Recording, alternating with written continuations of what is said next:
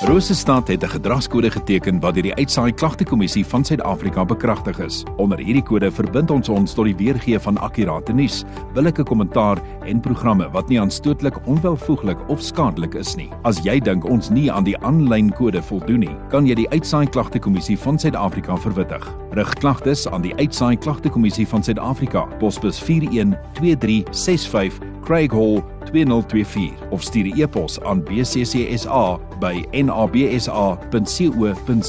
Vir verdere inligting, besoek www.bccsa.co.za.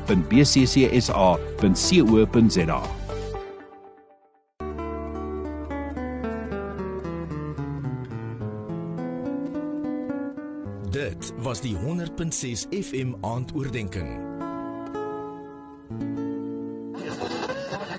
Rosestad 100.6 FM waar jy wil wees.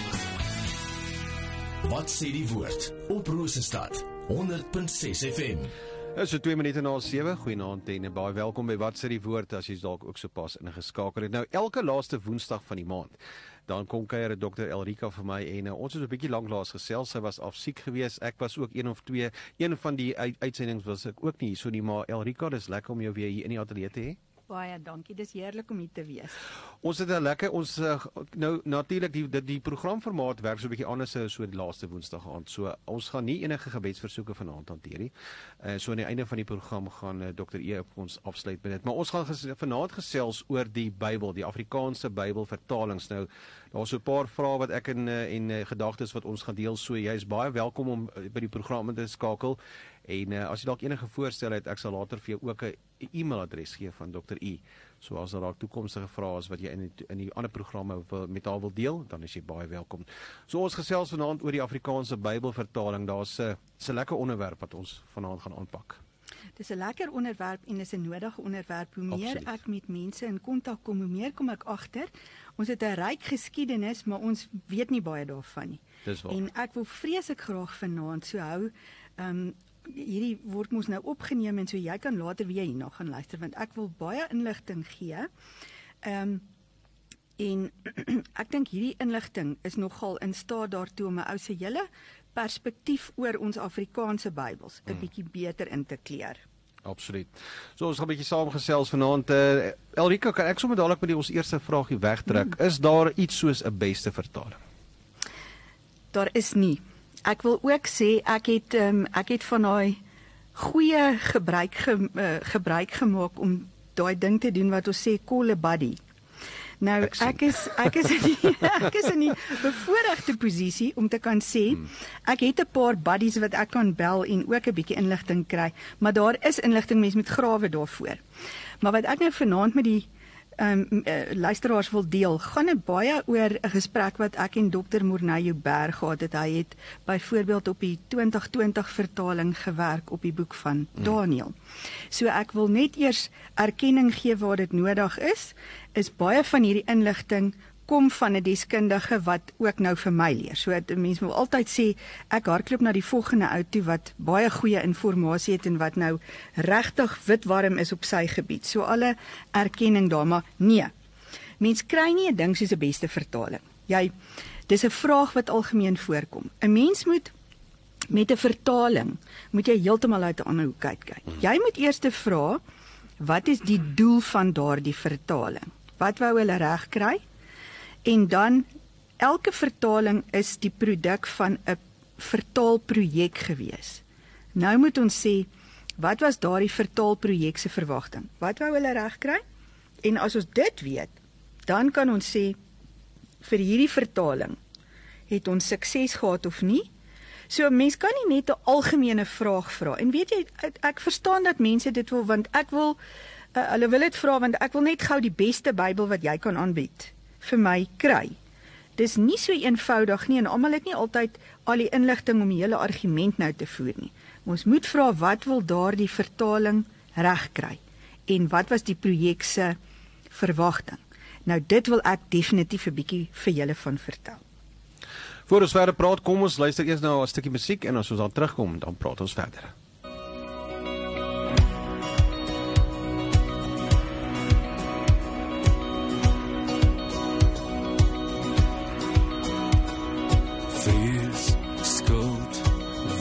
In nou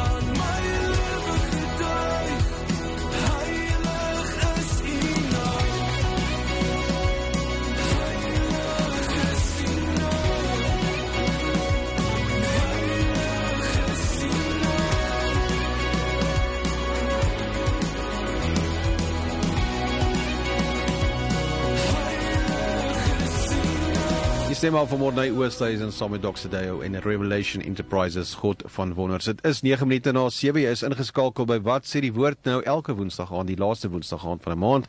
Dan kom kuier Dr. Elrika vir my in die ateljee en dan geseel gesels ons oor temas wat jy ook vir haar kan instuur.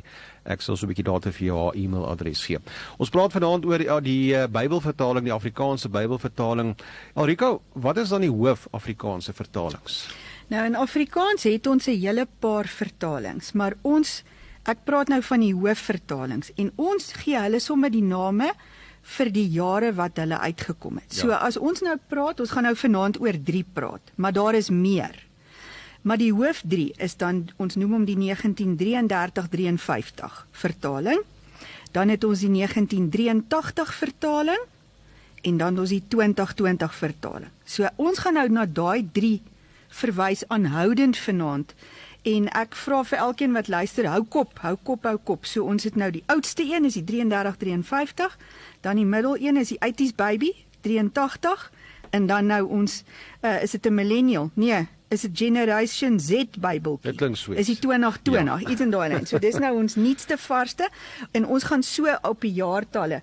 Daar is ander. Ons het goed soos die boodskap, ons het goed soos die nuwe lewende vertaling. So daar's meer, maar hierdie is die drie hoof Bybels waaroor ons nou gaan praat rondom dit. Nou, as jy nou na hierdie Bybels kyk, dan gaan jy sien van die 33 53 wat ons eerste Bybel in Afrikaans was tot ons nuutste 2020 gaan jy sien dat spelling van dorpe se name word anders gedoen en ek gaan nou-nou verduidelik hoe hoekom gebeur dit. Jy gaan ook sien dat die wonderlikste wonderlikste persent van een van die persente van die 2020 vertalings is dat hy onderaan elke bladsy binne in die Bybel het hy 'n klomp voetnotas. En dit kan 'n mens, jy kan daarin jouself verloor. Daar's soveel interessante inligting daar. So ek praat met mense en en ouens wat werk met die 2020 en dit graag lees, dan sê hulle byvoorbeeld ons hanteer hom amper soos 'n studie Bybel, maar dit is nie 'n studie Bybel nie, maar jy kan omtrent so 10 verse lees. Want as jy na elke voetnoot gaan kyk, is daar soveel interessante goed wat daar uitkom dat jy lees hom stadig, mm. maar baie baie ryk. Nou, ons het in die eerste vraag gevra wat is die beste vertaling? Toe sê ek vir julle ons moet ons moet nie so vra nie, want dit is nie so maklik om so te antwoord nie. Jy moet vra wat was die doel? En jy moet vra wat was die projek se verwagting. Nou kom ons sirkel gou terug en ons praat oor hierdie drie hoof Bybels wat ons vanaand wil bespreek. In 1933 was die doel van daardie Bybel. Kom ons kry net 'n woord vir woord Afrikaanse vertaling in ons hand wat vir ons die hele Bybel het. In 1953, dis 20 jaar later. Ons gaan terugsirkel daarna toe want ek wil dit dieper inkleer, maar net so half om dit om hoof hier te antwoord die doel van 'n vertaling en dan nou die projek se verwagting. So die die doel was ons wil 'n woord vir woord vertaling kry in Afrikaans. Het hulle dit reg gekry? Ja, ons het dit reg gekry. So vir daardie doel was dit die beste Bybel. Dit was ook natuurlik die enigste Bybel. In 1953, nou is dit taal 20 jaar ouer. Toe doen hulle 'n hersiening van hierdie Bybel. Nou die komitee wat dit gedoen het was aanvanklik groter, maar teen die einde was dit twee mense, is BB Keet en JD de Tooi. So 53 se vertaling sit ons met twee manne wat daai werk doen. Nou hulle wou 'n bietjie skaaf daaraan. Intussen het die taal se sinsnedes Afrikaans nou het as taal ontwikkel. Hy is vasgestel. Ek gaan terugkom daarna toe. Hulle wou hom hersien dat ons nou Afrikaanse sinskonstruksie gebruik. Het hulle dit reg gekry?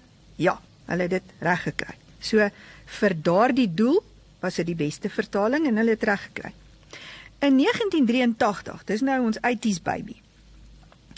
Was daar 'n ander ehm um, vertaalteorie in die wêreld aan die gang en nou begin ons dit is 'n vertaalteorie wat nou um, bepaal het dat ons het 'n ehm um, uh, ons wil nou met die die doel vir hierdie Bybel is ons wil nou 'n maklike, verstaanbare Bybel hê.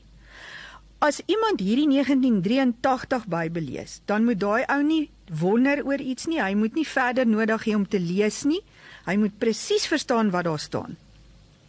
En dis presies wat die 83 vertaling gedoen het. Al die interpretasie is eintlik klaar vir jou gedoen. Jy dink op 'n manier 'n bietjie soos wat die vertaler gedink het. Dis klaar, dis maklik. Dit wat daar staan, staan daar. Nou, interessant as jy nou byvoorbeeld iets soos Spreuke wil lees, dan lees 83 baie flink. Hy lees glad want hy sê sommer maklik en maklike Afrikaans. Jy hoef nie te gaan kou daaraan en so nie, maar nou kom ons kom ons sê iets anders oor 83. Die idee met die 83 vertaling hulle is hulle wou dit so maklik hê. en dis nou so 'n bietjie interne grappie. Onthou nou dit was die 80s. Mm. Dinge was baie min polities korrek.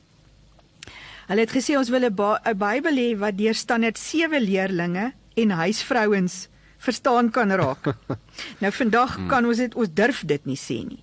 Het hulle dit reg gekry? Ja. Mm. Dit is 'n Bybel wat deur almal maklik gelees raak. Nou interessant. Die redaksionele span van daardie 1983 vertaling was op die ou end 8 man sterk. Onthou 53 was op die ou end 2 man sterk. Mm. Dis reg. 83 was 8 man sterk en teen die einde was hulle almal nou toe per toeval NG Kerk teoloë en NG Kerk predikante. Nou gaan ons na die 2020 toe. Dis nou die nuutste varsste uh, Bybel in die stalle.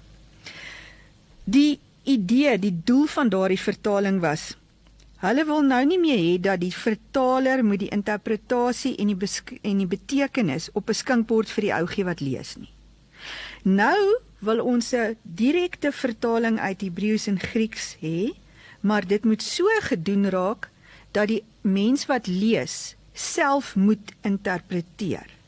So interpretasie is uitgehaal uit dit uit, sover as wat dit kan gebeur.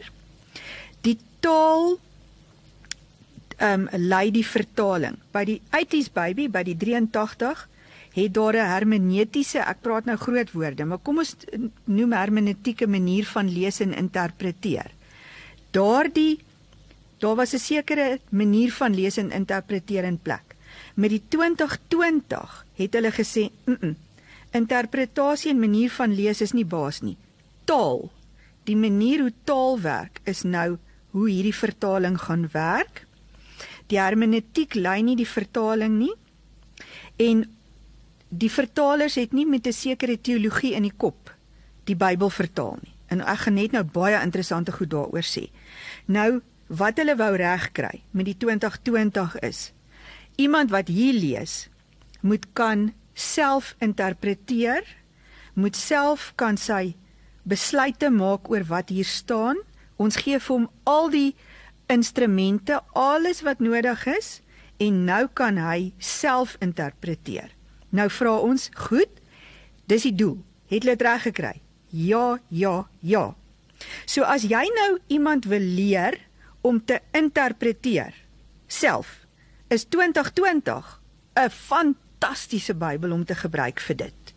As jy by baie dominees kom en so en hulle sit in preke voorberei, dan sit hy nog met 'n 33 53 langs aan hom want daardie een help hom so klein bietjie met Grieks en Hebreëus. So kom ons gaan net daai vraag mooi vasbind en sê wat's die beste vertaling? Ons sê ons kan nie so vra nie. Ons wil sê wat was die doel en wat was die projek se verwagting? 33 53 100% dit reg gekry. 1983 100% reg gekry wat hulle wou doen. In 2020 100% reg gekry wat hulle wou doen.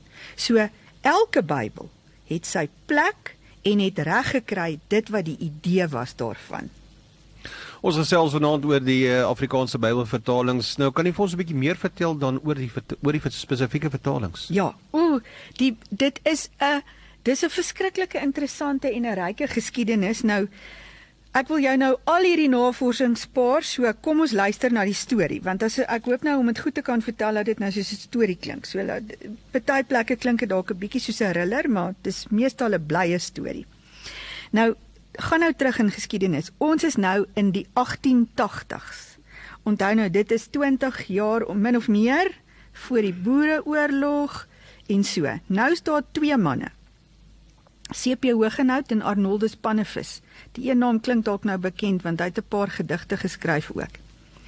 Hulle het almal begin vra, kan ons asseblief 'n Bybel in Afrikaans kry? Nou kom ons sit net gou, hoe het hierdie land in 1880 gelyk? Jy het mense gehad aan die Kaap, Maleiers en slawe. En hulle kon nie Nederlands meer korrek praat nie.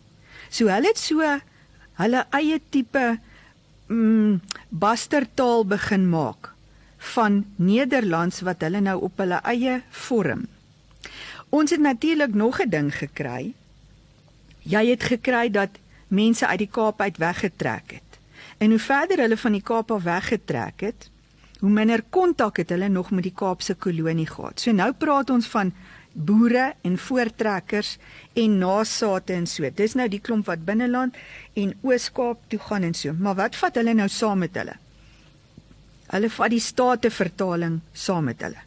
Nou kom ek sê gou wat die state vertaling. Ek skuis my datums, kom ons sê nou 1614 of 1619 ergens daar is die state vertaling gedoen in ou Nederlands. Nou onthou nou, Die 1619s is net voor Jan van Riebeeck Kaap toe gekom het. So Jan van Riebeeck kom Kaap toe met die state vertaling.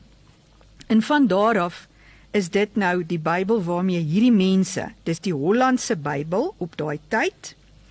En dit is die Bybel waarmee hierdie mense in die binneland intrek. Dis ook die Bybel wat in die Kaap gelees word en so. Nou goed, nou is terug by die Kaap hierdie prentjie.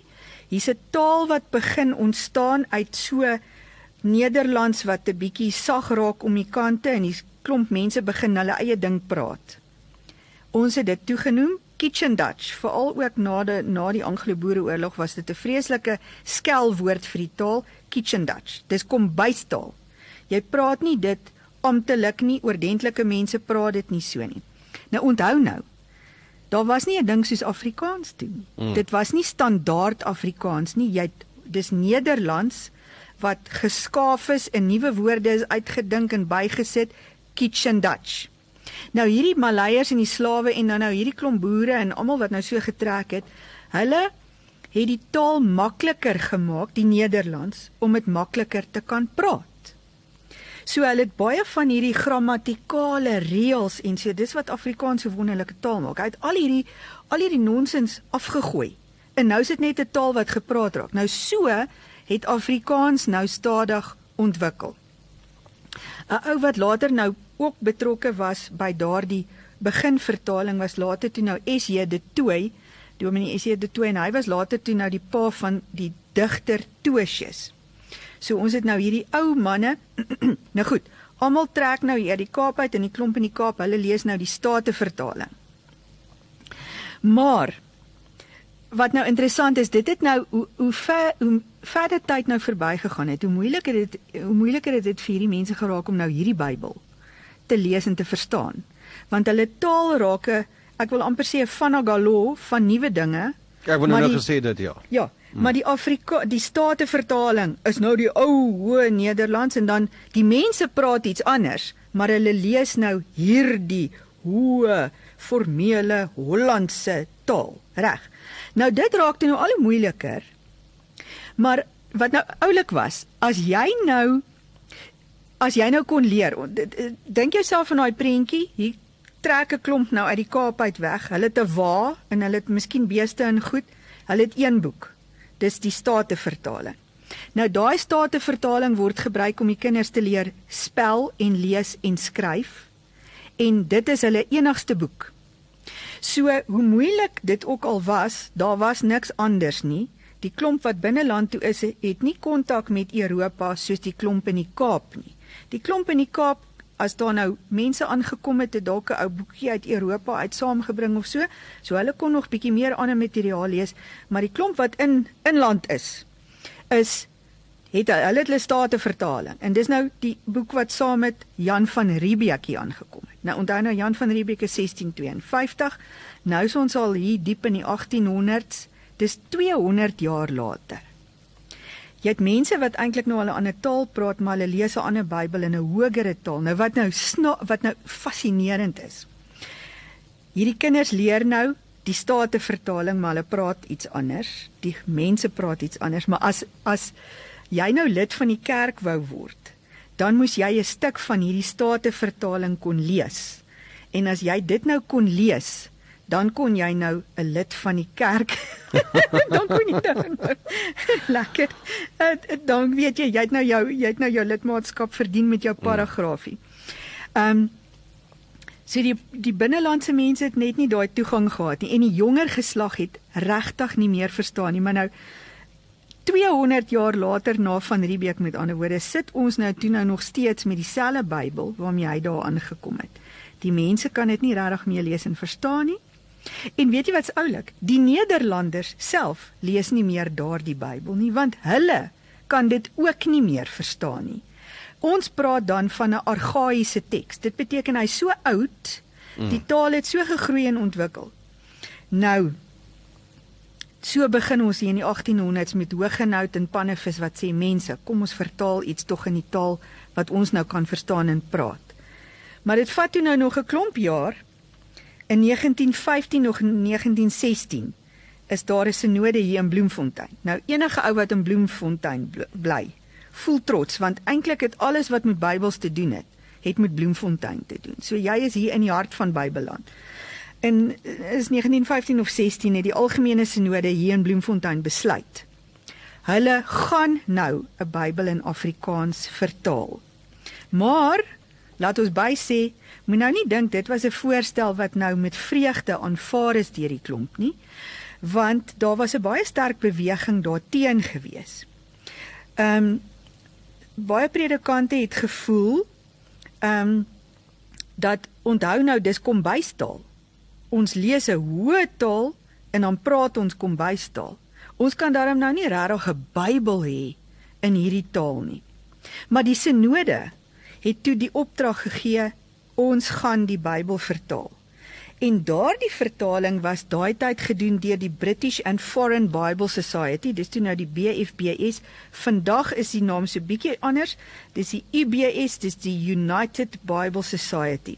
In Suid-Afrika se Bybelgenootskap is deel van die United Bible Society reg oor die wêreld. So toe is hier 'n internasionale organisasie wat Bybels vertaal. Dit het integriteit. Hulle steun die projek. Hulle begin en hulle gee finansiële steun. Nou onthou nou net kry in jou kop Nederlands was gesien as hierdie hoë hemelse taal. Die Statebybel is daar ingeskryf. Ons is bietjie Ons wil nie regtig nie, ons wil nie buite na 'n idee nie want Afrikaans is 'n platvloerse. Hulle het selfs die woord gebruik. Afrikaans is 'n platvloerse taal. Hoe kan ons nou hierdie woord van God, hierdie hogere wonderlike geïnspireerde boek, hoe kan ons hom in hierdie platvloerse taal? Dit gaan mos nou baie van sy status en sy inspirasie afbreek doen daaraan. So dit bring ons dan nou so paar jaar aan met die gesprek wat ek nou vir ons verder sal vertel jy vir ons ietsie wil speel. Kom ons luister eers na 'n stukkie musiek is uh, Dr. E wat vir ons aan my kerel. Onthou elke laaste woensdag aand van die maand dan uh, hanteer ons een of so 'n paar temas. Ek gaan vir jou later ook haar kontak besonderhede gee so as jy dalk in die nuwe jaar met haar wil uh, skakel, dan kan jy dit doen via e-mail. Chris Tomlin met I Love My Hands net hierna.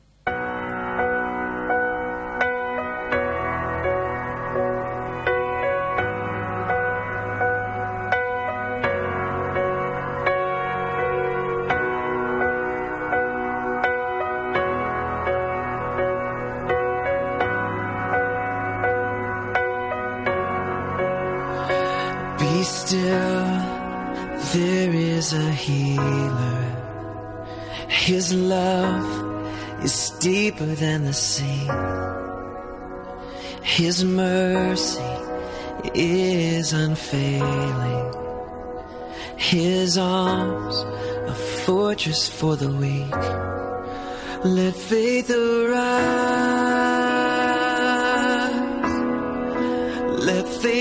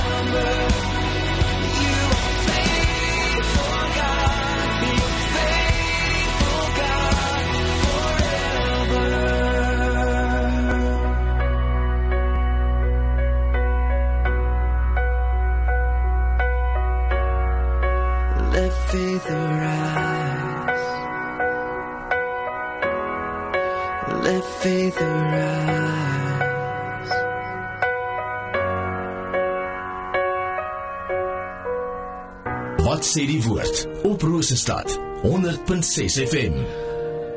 So 28 minute voor 8 wat sê die woorde Woensdae aand tussen 7 en 8 nou op die laaste Woensdag van elke maand dan is dokter U ook in die ateljee dokter Elrika en dan gaan ons uh, temas hanteer wat jy ook vir haar kan instuur. Ek sal vir jou binnekort ook haar uh, kontak besonderhede gee. Rolf uh, nou nou een van daai vragies wat jy ingestuur het, ons gaan nou nou daarby uitkom. En die tema vanaand is uh, ons praat oor die Afrikaanse Bybelvertaling. So dit is baie interessant uh, wat Dr. Iok al met ons gedeel het daai 1933 53 dan die 83 vertaling en dan ook nou die mees onlangse ene van 2020. Ek ons is nog steeds hier vas in die 1920s.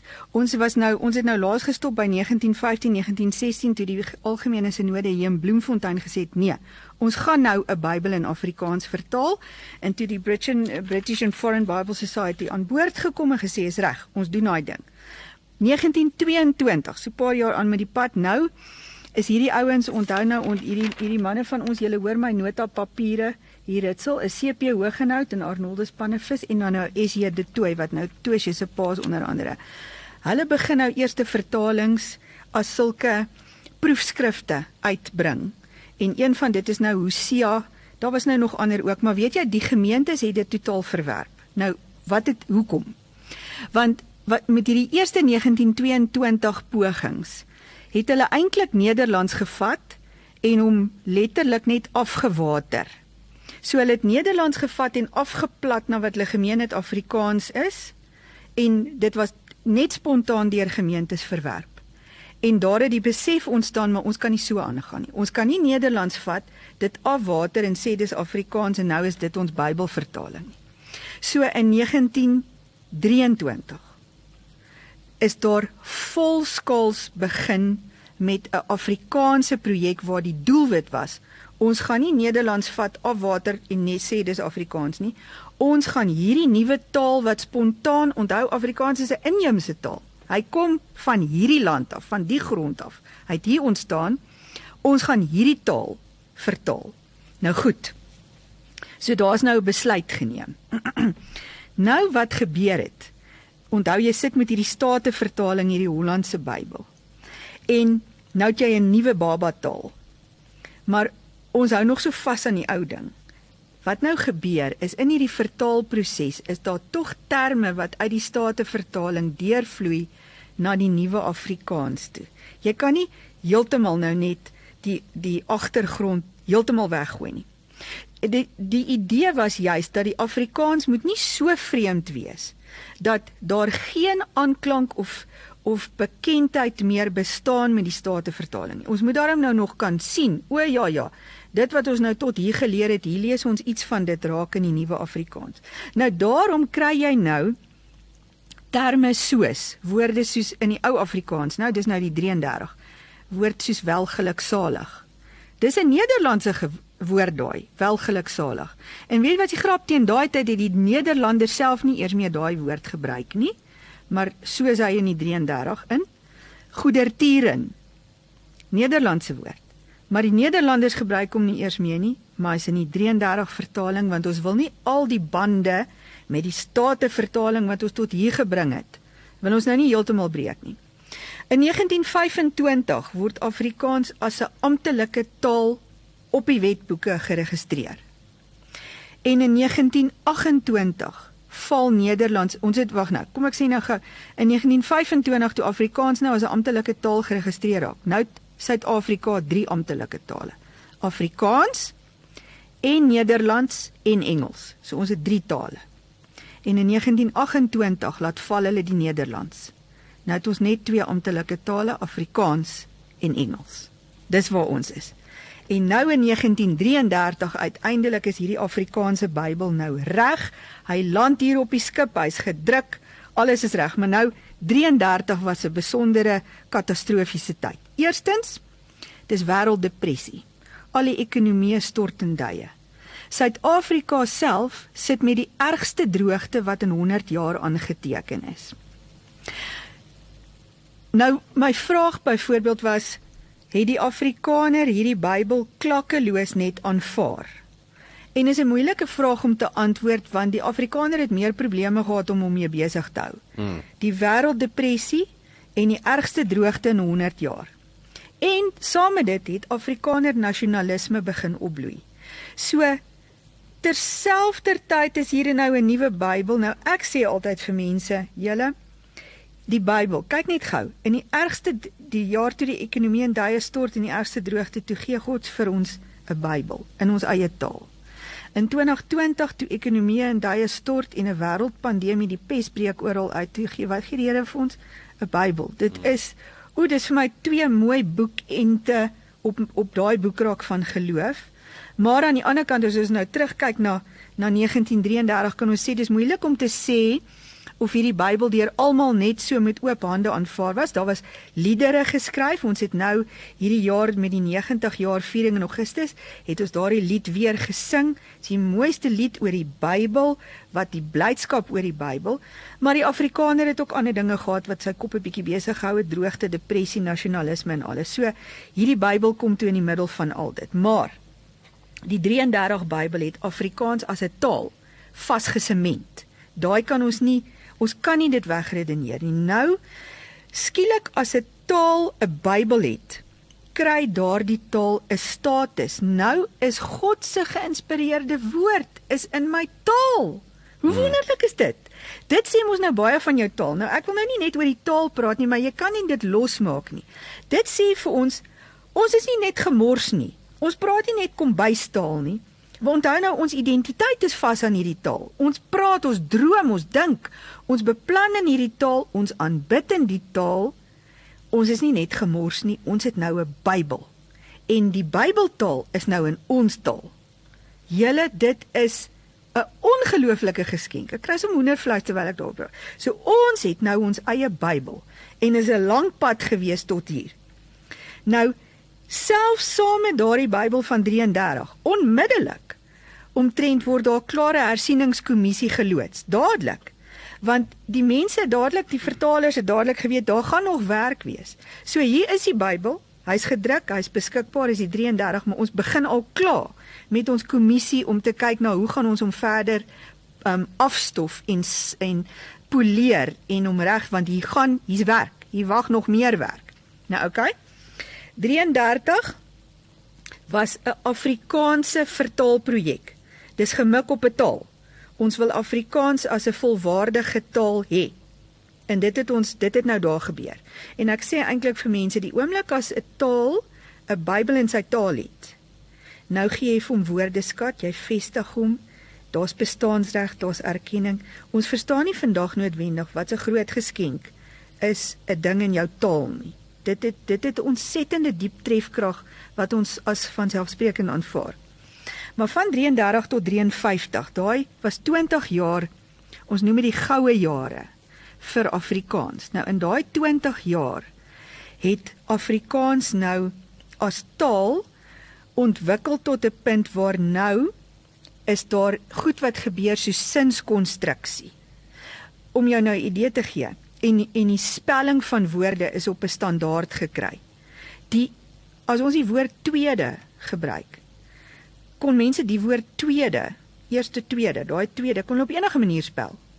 Nou in daai 20 jaar van 33 tot 53 is hierdie taal nou met taalreëls vasgestel en ons praat sinne op 'n sekere manier en ons spel tweedes twee met twee e's en dan de e agteraan. Nie twee de nie. So daai goed gebeur nou, Afrikaans word gestandaardiseer in hierdie goue jare. Nou daarom in 1953 kry ons toe nou hierdie verwerking en die verwerking van die 33 vertaling en hy het hom nou met sy spelling en sy sinskonstruksie en sy woordorde um 'n bietjie gepoleer. Ons praat nou van 'n linguistiese standaardisering van die taal. So daar het min verander, maar die die spelling is nou op 'n standaard. Daar's nou taalreëls vasgestel en so nou om um, Roelf se vraag want ou ons wil die hele tyd daarby uitkom op die ou end.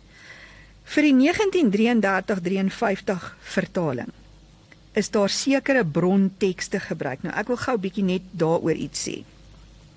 'n Bronteks is nou die oorspronklike Hebreëse en Griekse tekste wat gebruik word wanneer die ouens vertaal. nou in 1933 1953 het hulle vir die Ou Testament die Kittel, hy het 'n naam, Kittel K I T T E L teks gebruik en vir die Nuwe Testament hulle het, hulle die Textus Receptus gebruik. Kom ons sê gou vir elkeen wat luister, die Ou Testament is geskryf in hoofsaaklik Hebreëus, daar's stukke Aramees en die Nuwe Testament is geskryf in Grieks. So Ou Testament het Kittelteks gebruik as bron en die Ou Testament was nooit so groot gesukkel nie want ons het daar deel Christene met Jode die Joodse tradisie. So ons gaan kyk baie keer wat gebruik die Jode? Die Jode het 'n lewe en 'n godsdiens gebou daarom om tekste te bewaar en so. So met die Ou Testament was dit nooit so verskriklik belangrik om so intens na te vors wat is oorspronklik, wat is ouer nie. Ons kon baie steun op waar die Jode geëindig. Maar die Kittelteks is vir die 53 33 gebruik en Die Nuwe Testament een was die Textus Receptus. Nou oor die Textus Receptus moet ek iets sê. Desiderius Erasmus het in 1516 Dis omtrent net dis die tyd van die hervorming julle. Dis nou 100 jaar voor. Dis nie is 140 jaar voor Jan van Riebeeck Kaap toe gekom het. Het Desiderius Erasmus 'n teks gepubliseer en dit is die Textus Receptus. Nou mense kan nou baie interessante goed daarvan vertel, maar ek wil net gou so vinnig 'n voetnoot daar. Hulle het by hy het byvoorbeeld dele van Openbaring kon hy nie die oorspronklike Grieks kry nie. Toe vat hy die Latynse vertaling wat die kerk gehad het. Hy vertaal dit terug na Grieks toe en dan vertaal verstaan jy so 'n hele interessante storie van kruisvertaling, maar die oorspronklik is nie vir alles gewees nie, maar sekere deeltjies het nou so gewerk. Dis nou 1516 julle. Maar reeds in 1880. Dis nou dieselfde jaar wat ons twee vriende Hogenhout en Pannevis gesê het, maar ons wil begin ons eie vertaling hê. Het Westcourt en Hart het tekste gepubliseer en daardie tekste was beskikbaar en dit was gesien as beter tekste om te gebruik Maar die vertaalspan van die 1920s, met ander woorde, dis die ouens wat vir ons die 1933 Bybel gebring het. Hulle was bang om te ver af te wyk van die Textus Receptus. Nou, elkeen wat luister, die Textus Receptus vir die Nuwe Testament is gebruik vir die ou Afrikaans, dis nou die 3353 vir die Nuwe Testament. Dis ook dieselfde een wat gebruik is vir die ou King James Bybel. En dan die Statenvertaling. So hulle wou nie te ver van dit afwyk nie. Daarom het hulle daardie teks gebruik, hoewel daar toe al klaar 'n beter teks, bronteks beskikbaar was. Daardie bronteks was in 1880 al beskikbaar. Hy was gepubliseer. Nou daai bronteks het 'n naam. Hy was so half die voorloper van een wat ons vandag noem die Nessel Aland. Ek weet dis nou vreeslike tegniese uh data maar dit gaan ons uitbring by hoekom het ons hierdie verskille. Ek gaan nog so oomblikie daaroor net uitwy en dan kan ons ietsie luister om net ons gedagtegang te verfris. Vandag ehm um, is daar probleme wat ons het met die Kittels tekste. Ons gebruik vandag die Biblica Hebraica Stuttgartensia. Dit is die teks wat ons gebruik vir die Ou Testament.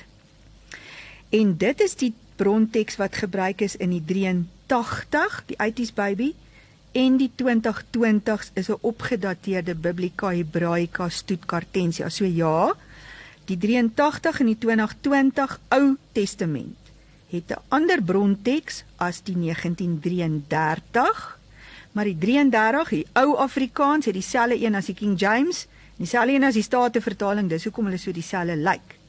Maar van waar hy daar was, was daar al 'n beter teks beskikbaar.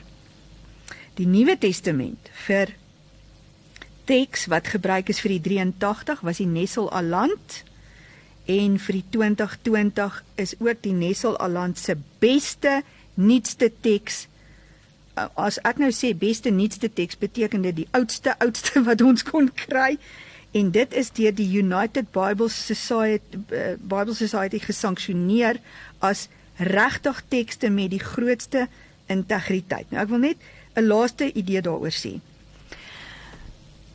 Die Textus Receptus is nou deur Desiderius Erasmus ges, gevertaal um, en gepubliseer in Grieks nou, maar dit is 'n vreeslike akademiese Grieks. Maar die Bybel is nie in daai Grieks geskryf nie, want dis nie wat die mense gepraat het nie. Ons kan sê dis die Grieks wat die filosowe en dit is dis die geskrewe formele Grieks. Maar die mense het kommentaar gebruik. Dis genoem Koine Grieks. En die Bybel is in Koine Grieks geskryf, nie Hellenistiese Grieks nie. Dit Koine Grieks was 'n verbastering van Hellenistiese Grieks, die taal van die filosowe en die taalkundiges. So die Bybel, ek terwyl ek nou hieraan so dink, dan dink ek, is die Here nie ongelooflik? Hy gee vir die mense elke keer in gewone taal. Nie die taal van die akademici nie, die taal van die gewone man op straat. Dis die taal van die Bybel. En dan bly dit interessant dat almal wil teruggryp na die akademiese taal, terwyl die taal is die taal van die straat, Koine Grieks.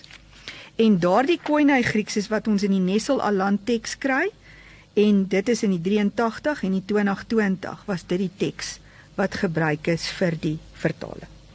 Ons gaan eers nou 'n stukkie musiek luister. Ons uh, tyd is besig om ons ook vinnig in te haal. So baie interessant.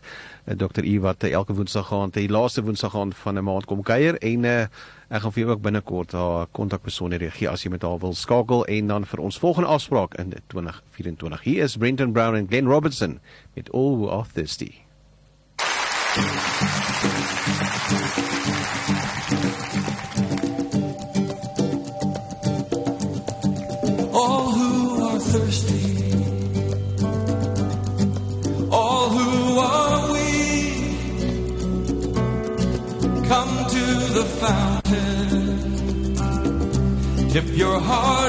the stream of life. Let the pain and the sorrow be washed away and in the waves of his mercy as deep cries out to thee we sing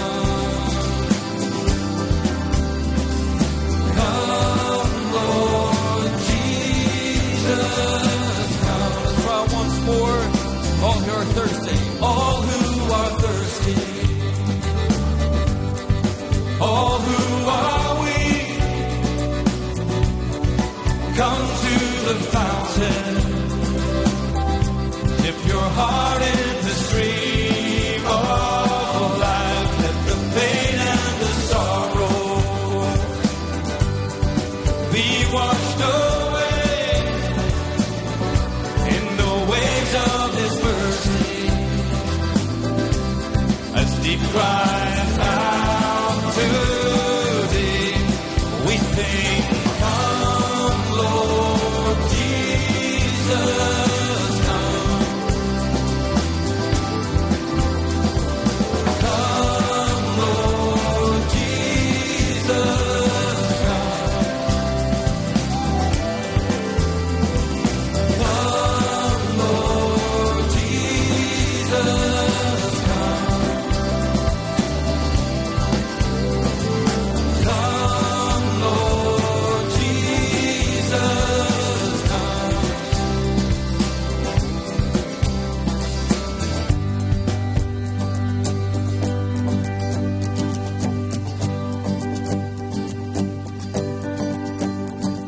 Wat sê die woord op Rosestad 100.6 FM. Tyd nou aangestap na so 8 minute voor 8. Dr. Elrika saam met my elke Woensdag gaan die laaste Woensdag gaan van 'n maand en ons gesels vanaand oor die Afrikaanse Bybelvertaling en die baie interessante gesprek wat ons ook vanaand het. Baie dankie vir al die WhatsApps. Ek is bly jy geniet die program ook saam met ons. Nou ons 1933 wat ons ook noem ons ou Afrikaanse vertaling. Daardie vertaling is gebore uit die drie susterskerke. Dit is nou die gereformeerde kerk, die hervormde kerk en die NG Kerk. Daardie drie kerke was betrokke by die 1933-53. Ons noem dit mos nou die drie susterskerke. So daar is kerke wat net nie deel was daarvan nie, soos die Baptiste kerke, die Charismatiese kerke en dan nou ander. Maar dit was nou 1933. Ehm um, op die ou end ek het nou gesê ons het gesit met ehm um, met Hoogenout, Pannevis en SC de Tooi. So ons was drie manne. By die 33 by die 83 vertaling het ons weer eens 'n klomp teoloë gehad wat die Bybel vertaal het. Dit was dieselfde in 33 53, dis teoloë en predikante. 83 is weer teoloë en predikante. Maar hier is nou julle dis vir my dit blaas my kop oop. By 2020 en en daardie vraag vir 2020 is al in die 1990s gevra. Ons soek 'n Bybel in Afrikaans direk vertaal vir almal in moderne Afrikaans. So in 2020 radikaal nuwe skuif. Die deure is oop vir almal. Almal word ingenooi. Al die kerke aparte komitee is gestig. Dit was die kerklike advieskomitee wat al in die 90's gestig is. Hulle het vir 3 of 4 of 5 jaar navorsing gedoen voordat hulle selfs begin het oor hoe om hierdie vertaling aan te pak. Dis nie sommer net 'n ding wat aan die lug uitgeval het nie. En hulle het baie gesteun teen daai tyd was daar 2006 of 2008 nuwe Nederlandse Bybel uitgebring wat radikaal wonderlik was en daar was baie gekyk na wat is wat is daar gedoen ek wil amper sê die beste praktyke. Nou, by die 2020 was daar 136 mense betrokke. En spesifiek was dit 'n multidissiplinêre vertaling. Onthou nou, 3353 is deur 'n paar predikante gedoen. 83 op die ou en deur 8 predikante of teoloë gedoen. 2020 136 mense van die begin tot die einde betrokke by hierdie proses oor jare. Nou, skielik multidissiplinêr. Ons het nou ehm um, vakdissipline soos vertaalkundiges.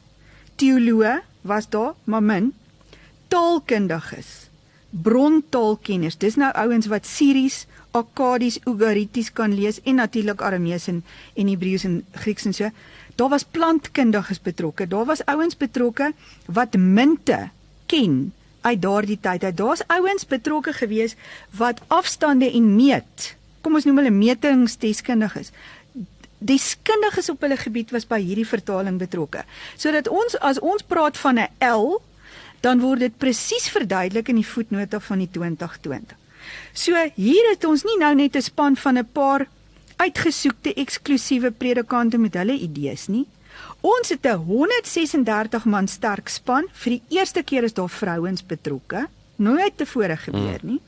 Nou nie oor dit nou na die of daai kant nie, is net 'n interessante feit. En ons wil, wat is die doel? Ons wil 'n direkte vertaling hê in ons taal. Hy moet maklik relatief maklik in moderne Afrikaans, maar ons wil nie interpretasie invertaal nie. Ons wil vir die leser die kans gee. Die leser moet die vreemdhede van hierdie teks, want hierdie teks is meer as 2000 jaar terug geskryf in 'n antieke taal in 'n oosterse kultuur. Ons wil die leser na hierdie vreemdheid toe bring. Hy moet dit kan beleef en sy eie maak. En daar is nie kans gewees die proses Daar's nie kans vir een ou om sy ego daarin te vertaal nie of 'n agenda te dryf nie. Daar is nie enige ehm um, verdagtheid daarbey betrokke. So as jy nou van plante en dorpe en dit is hoekom ons vroeër gesê dorpname verskil, die deskundiges is ingebring. Plantname verskil, munte is verduidelik. Hierdie is 'n heerlike avontuur om te ontdek want jy as leser word nou in die vreemde teks ingenooi en gesê kom interpreteer, kom leer, kom um, ontdek wat gaan hier aan en wat kan jy verstaan hiervan. Dis nie 'n storieboek nie. Jy moet nie dink dit lees so nie. Vir so een moet jy 'n ander tipe Bybel gaan kry wat 'n ander tipe doel gehad het.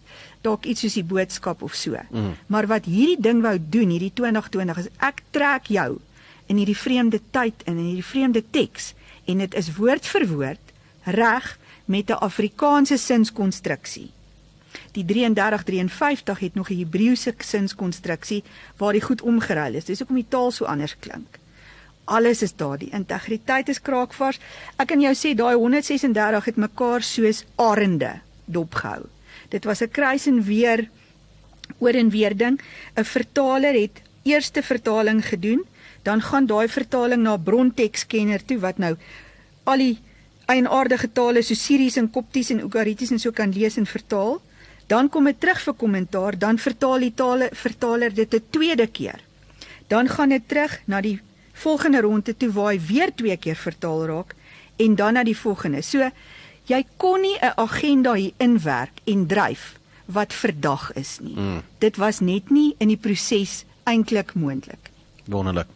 Dit was dan ook ons tema vanaand. Ek sien ons tyd het ons ingehaal. Elrika gaan jy vir ons afsluit met 'n gebed Ja, oh, dit sal 'n plesier wees. asseblief. Here, ons wil U eintlik vanaand net diep voor U buig en dankie sê vir die wonderlike geskenk dat U vir hierdie land, vir elke taal wat in hierdie land 'n amptelike taal is, 'n Bybel gegee het. En elke Bybel het 'n wonderlike geskiedenis en storie, maar so belangrik is elke mens se taal en kultuur en identiteit vir U dat U dit so bewerk dat ons 'n geskenk kan hê in ons taal wat ons hart en droom en dinktaal is. Ons wil U dank. Ons wil U dank want hoe anders sal ons U ken. Help ons om deur U woord U elke dag meer intiem te soek en meer intiem te leer ken. En ons kyk op na U en verwag met verwagting dat U Uself openbaar deur U woord. Amen. Amen. Rika baie dankie vir vanaand se program en uh, ons dit is ook ons laaste afspraak vir 2023. Kan jy dit glo? So maak 'n groot nota in jou dagboek uh, die 31ste Januarie. Dan is uh, Dr. U terug in die ateljee. Ek gaan vir jou sommer haar kontak besonderhede gee. So as jy met haar so oor die uh, Kerstyd wil uh, skakel, dan kan jy gerus so maak as ek net gou vinnig by daai e-mail kan uitkom. Ek ek glo sy gaan hom ook vir jou gee. Daar's so as jy gou vinnig 'n pen wil gryp. Dit is Elrika Senekal. Ek gaan hom vir jou spel. E L R I K A Senekal at of by of at telkomsa.net. Ek gaan hom vir jou as jy vir my WhatsApp stuur en jy het hom dalk gemis, gaan ek hom vir jou aanstuur Elrika Senekal at telkomsa.net. Elrika, baie dankie vir vir die program vanaand. Uh, geniet die rus. Ek weet nou uh, dis nou Kerstyd en uh, jy het ook 'n besige laaste paar weke gehad. Daar's nog 'n uh, paar dingetjies wat jy ook moet afhandel, maar ek ek sien baie uit na ons uh, volgende afspraak. So kan nie wag nie. So geniet die feestyd nou eers en uh, baie sterkte ook en voorspoed vir jou familie. Dankie en vir elkeen wat luister ook. Dit was dan Dr. E vanaand uh, en sy is terug die 31ste Januarie 2024. Dit voel so snaaks om dit te sê.